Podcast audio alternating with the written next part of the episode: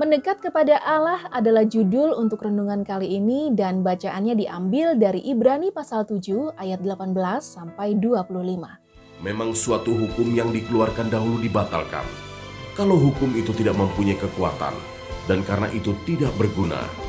Sebab hukum Taurat sama sekali tidak membawa kesempurnaan, tetapi sekarang ditimbulkan pengharapan yang lebih baik yang mendekatkan kita kepada Allah.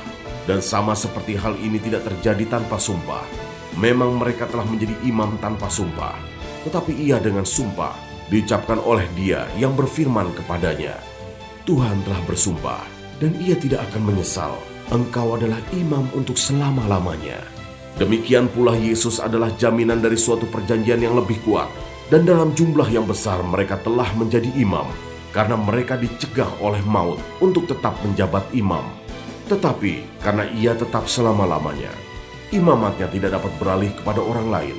Karena itu, ia sanggup juga menyelamatkan dengan sempurna semua orang yang oleh dia datang kepada Allah, sebab ia hidup senantiasa untuk menjadi pengantara mereka.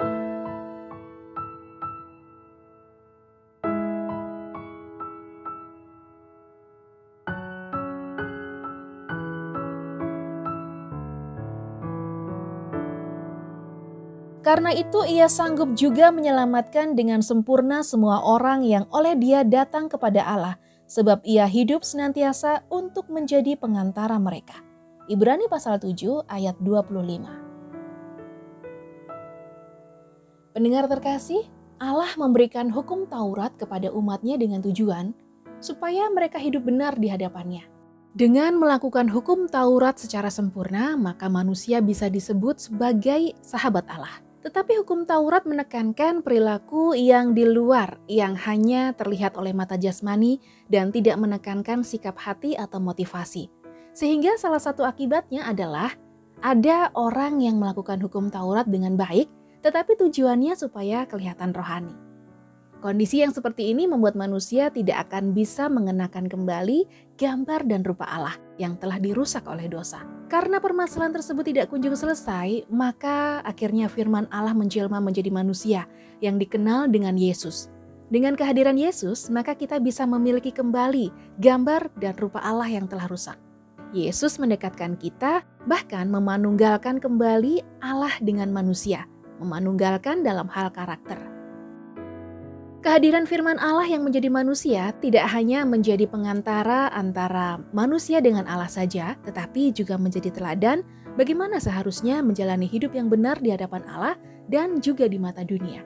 Dengan demikian, setiap orang yang percaya kepadanya bisa memiliki kehidupan yang benar di mata Allah, termasuk kita yang saat ini hidup di zaman modern. Pendengar yang dikasih Tuhan, selama masih ada kesempatan, marilah kita selalu terus mendekat kepada Allah sampai pribadinya terjelma dalam diri kita dan Allah dimuliakan melalui hidup kita.